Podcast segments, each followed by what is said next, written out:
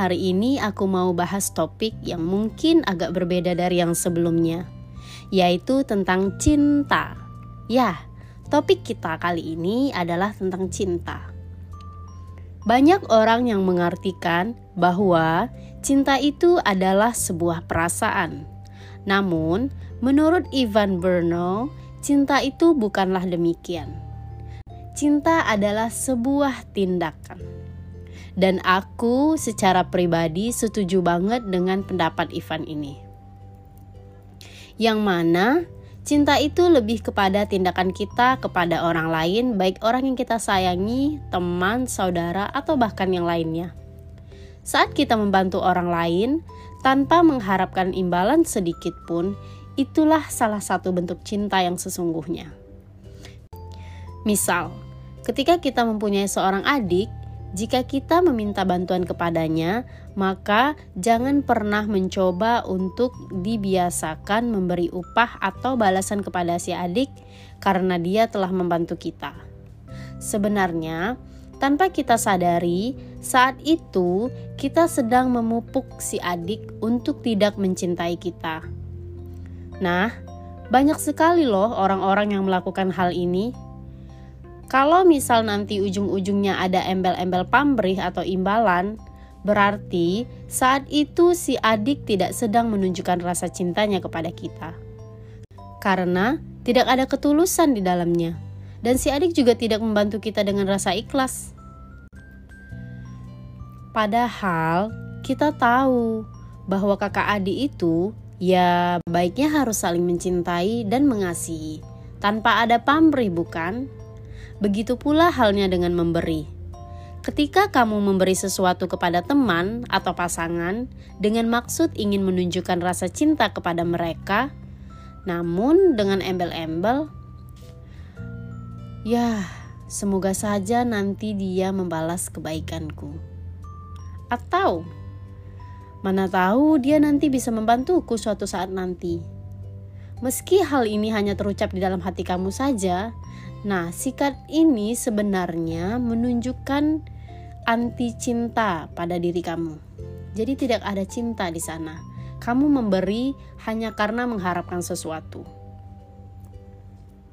Saat kamu memberi kado spesial atau mungkin mengulurkan tangan untuk membantu teman yang sedang kesusahan, namun kamu mengharapkan perlakuan yang sama dari mereka.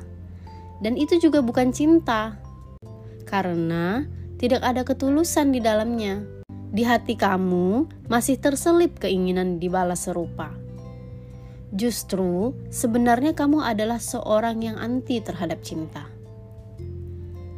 Kita bisa mengamati cinta itu sendiri di lingkungan terdekat kita. Contohnya saja seperti perlakuan seorang ibu terhadap bayinya. Memang terlihat ada cinta di sana si ibu benar-benar memberi, mengasihi, menjaga, rela sampai capek tanpa mengharapkan balasan dengan ukuran lelah dan capek yang sama. Tidak ada pamrih di dalamnya.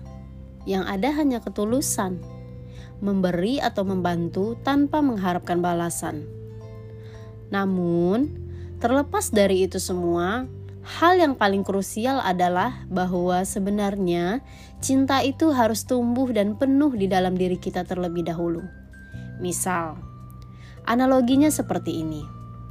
Coba kamu bayangkan jika di meja ada sebotol air, sebuah gelas, dan sebuah piring. Air ini kita umpamakan cinta. Yang gelas ini misalnya adalah kamu sedangkan piring adalah orang lain. Kemudian, posisikan gelas di atas piring, seperti hendak menyeduh secangkir kopi. Sekarang, yuk mari kita analogikan. Jika kamu ingin menebar atau memberikan cinta, maka kamu harus mengisi gelas kamu terlebih dahulu dengan cinta itu.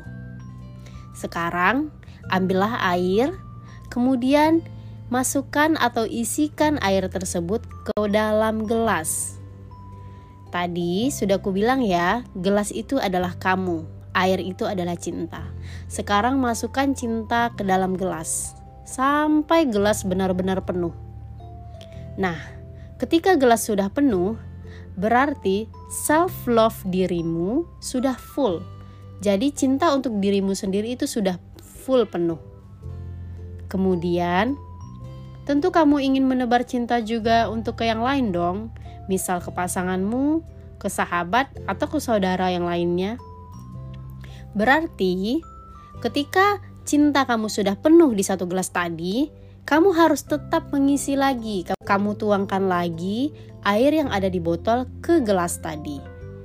Walaupun sudah penuh dengan air, nanti dengan sendirinya air di gelas tersebut akan melimpah dan masuk ke dalam piring, yang mana piring ini tadi adalah kita umpamakan orang lain. Jadi, dengan analogi tersebut, dapat kita tarik benang merahnya bahwa kita harus menumbuhkan cinta itu mulai dari diri kita terlebih dahulu. Jika self-love kita sudah terpenuhi, tanpa disadari, orang lain juga akan merasakan cinta dari kita. Mereka akan merasakan atmosfer cinta dari kita. Semakin air tadi diisi terus-menerus ke dalam gelas, maka cinta kita akan terus diperbaharui, diperbaharui karena airnya akan terus berganti. Sama halnya dengan cinta kita terhadap orang lain akan terus diperbaharui. Jika kita mudah mencintai diri kita sendiri, maka kita akan mudah pula untuk cinta kepada orang lain. Jadi, isilah gelas Anda terlebih dahulu, baru orang lain kemudian. Dan ingat, yang namanya cinta harus tumbuh dari dalam diri Anda terlebih dahulu. Tebarkanlah cinta dengan membantu, memberi, menasehati, menyemangati, dan menghargai orang lain. Jadi jangan pernah menunggu orang lain memberikan cintanya kepada kita, namun kitalah yang harus memulainya terlebih dahulu.